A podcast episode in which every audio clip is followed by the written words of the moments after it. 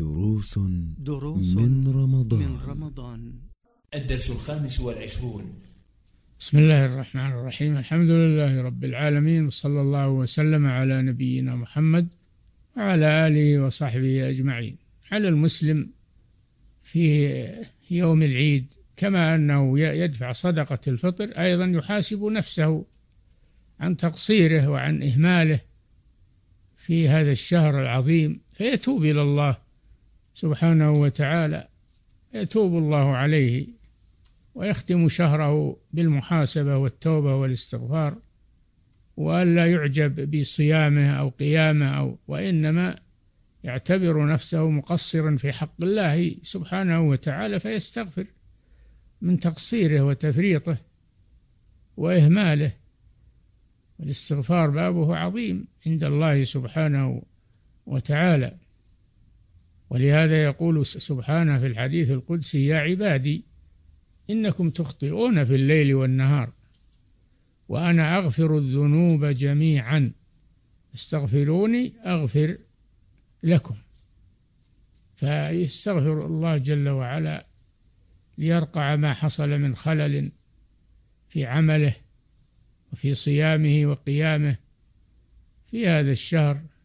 يستغفر الله من التقصير والإهمال ويصدق في استغفاره فيغفر الله له. والله غفور رحيم. الله جل وعلا أمرنا بالاستغفار ووعدنا أن يغفر لنا وهو لا يخلف وعده.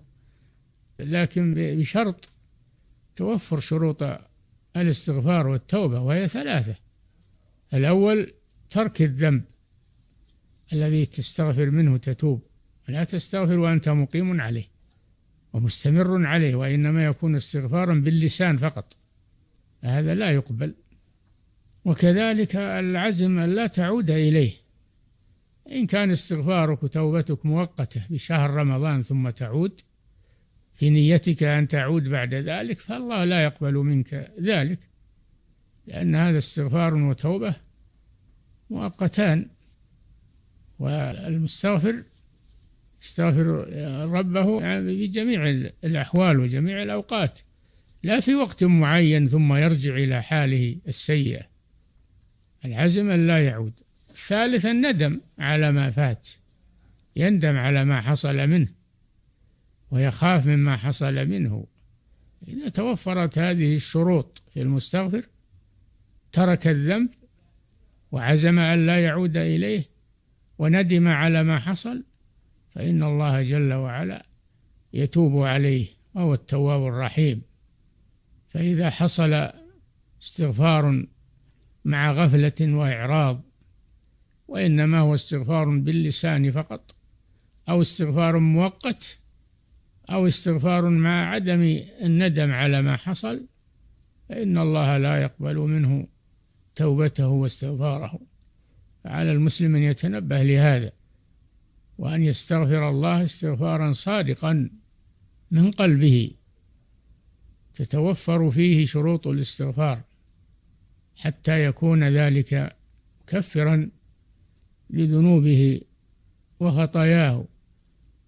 والله جل وعلا يقول يا عبادي كلكم خطاء وخير الخطائين التوابون. فالمسلم عرضة للخطأ والذنوب والسيئات و... لكن من فضل الله أنه إذا استغفر ربه وتاب إليه بصدق وإخلاص تاب الله عليه ومحى ذنبه وغفره له. هذا من فضله سبحانه وتعالى على عباده وإحسانه إليهم. والموفق من وفقه الله والمحروم من حرمه الله. قد تمر الأوقات والمناسبات والفضائل والإنسان غافل عنها ومعرض عنها ولا يتحراها آه، يخسر حياته ويواجه الله جل وعلا وهو محمل بذنوبه. الاستغفار أيضا له وقت ثم يقفل باب القبول. بالنسبة لكل فرد يقفل عند ما تبلغ روحه الغرغرة تبلغ الحلقوم. فإنه حينئذ يقفل عنه باب التوبة وباب القبول. وبالنسبة لجميع الناس فإن باب التوبة يقفل عندما تخرج الشمس من مغربها في آخر الزمان من علامات الساعة الكبرى ولا حول ولا قوة إلا بالله.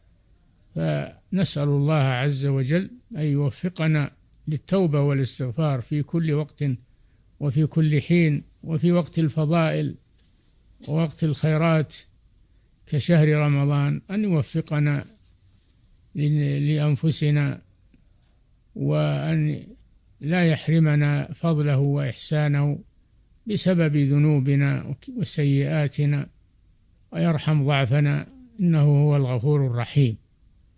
فنختم شهرنا بالاستغفار. ولا يكمل الإنسان نفسه ويقول أنا صمت رمضان وأنا قمت ليالي رمضان وأنا وأنا وأنا تصدقت بكذا فيعجب بعمله فيكون ذلك سببا لعدم القبول من الله سبحانه وتعالى. بل يعتبر نفسه مقصرا في حق الله حق الله عظيم. لن تستطيع أن توفيه لن تستطيع أن تشكره الشكر الموافي لنعمه. ولكنك مع الشكر تستغفر ربك عز وجل تشكره على نعمه تستغفره من ذنوبك وتقصيرك وإهمالك.